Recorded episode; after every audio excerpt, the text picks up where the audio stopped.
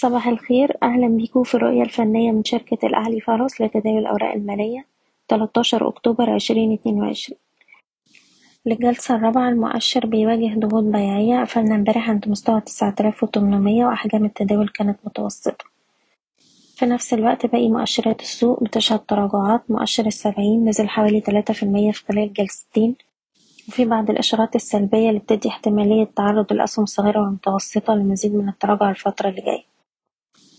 على مؤشر التلاتين إحنا دلوقتي بقالنا أكتر من تلات أسابيع بنتداول في حركة عرضية ما بين مستوى الدعم تسعة آلاف وستمية ومستوى العشرة آلاف وخمسين نقطة حتى الآن القوى الشرائية مش قادرة تتجاوز المستوى ده لأعلى وبالتالي طول ما إحنا تحت المستوى ده في احتمالية إن إحنا نروح نجرب تاني على تسعة آلاف وستمية.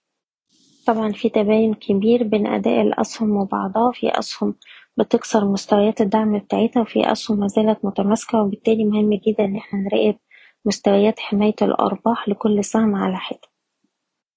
بالنسبة للسي اي بي أقرب دعم دلوقتي عندنا عند الخمسة وعشرين أربعين ودي مستوى الدعم الأهم عند الأربعة وعشرين تلاتين. طول ما إحنا محافظين على المستوى ده بنحتفظ بالسهم ومستوى المقاومة عند ستة وعشرين ونص. بشكركم بتمنى لكم التوفيق.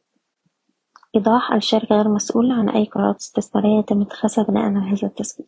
شكرا.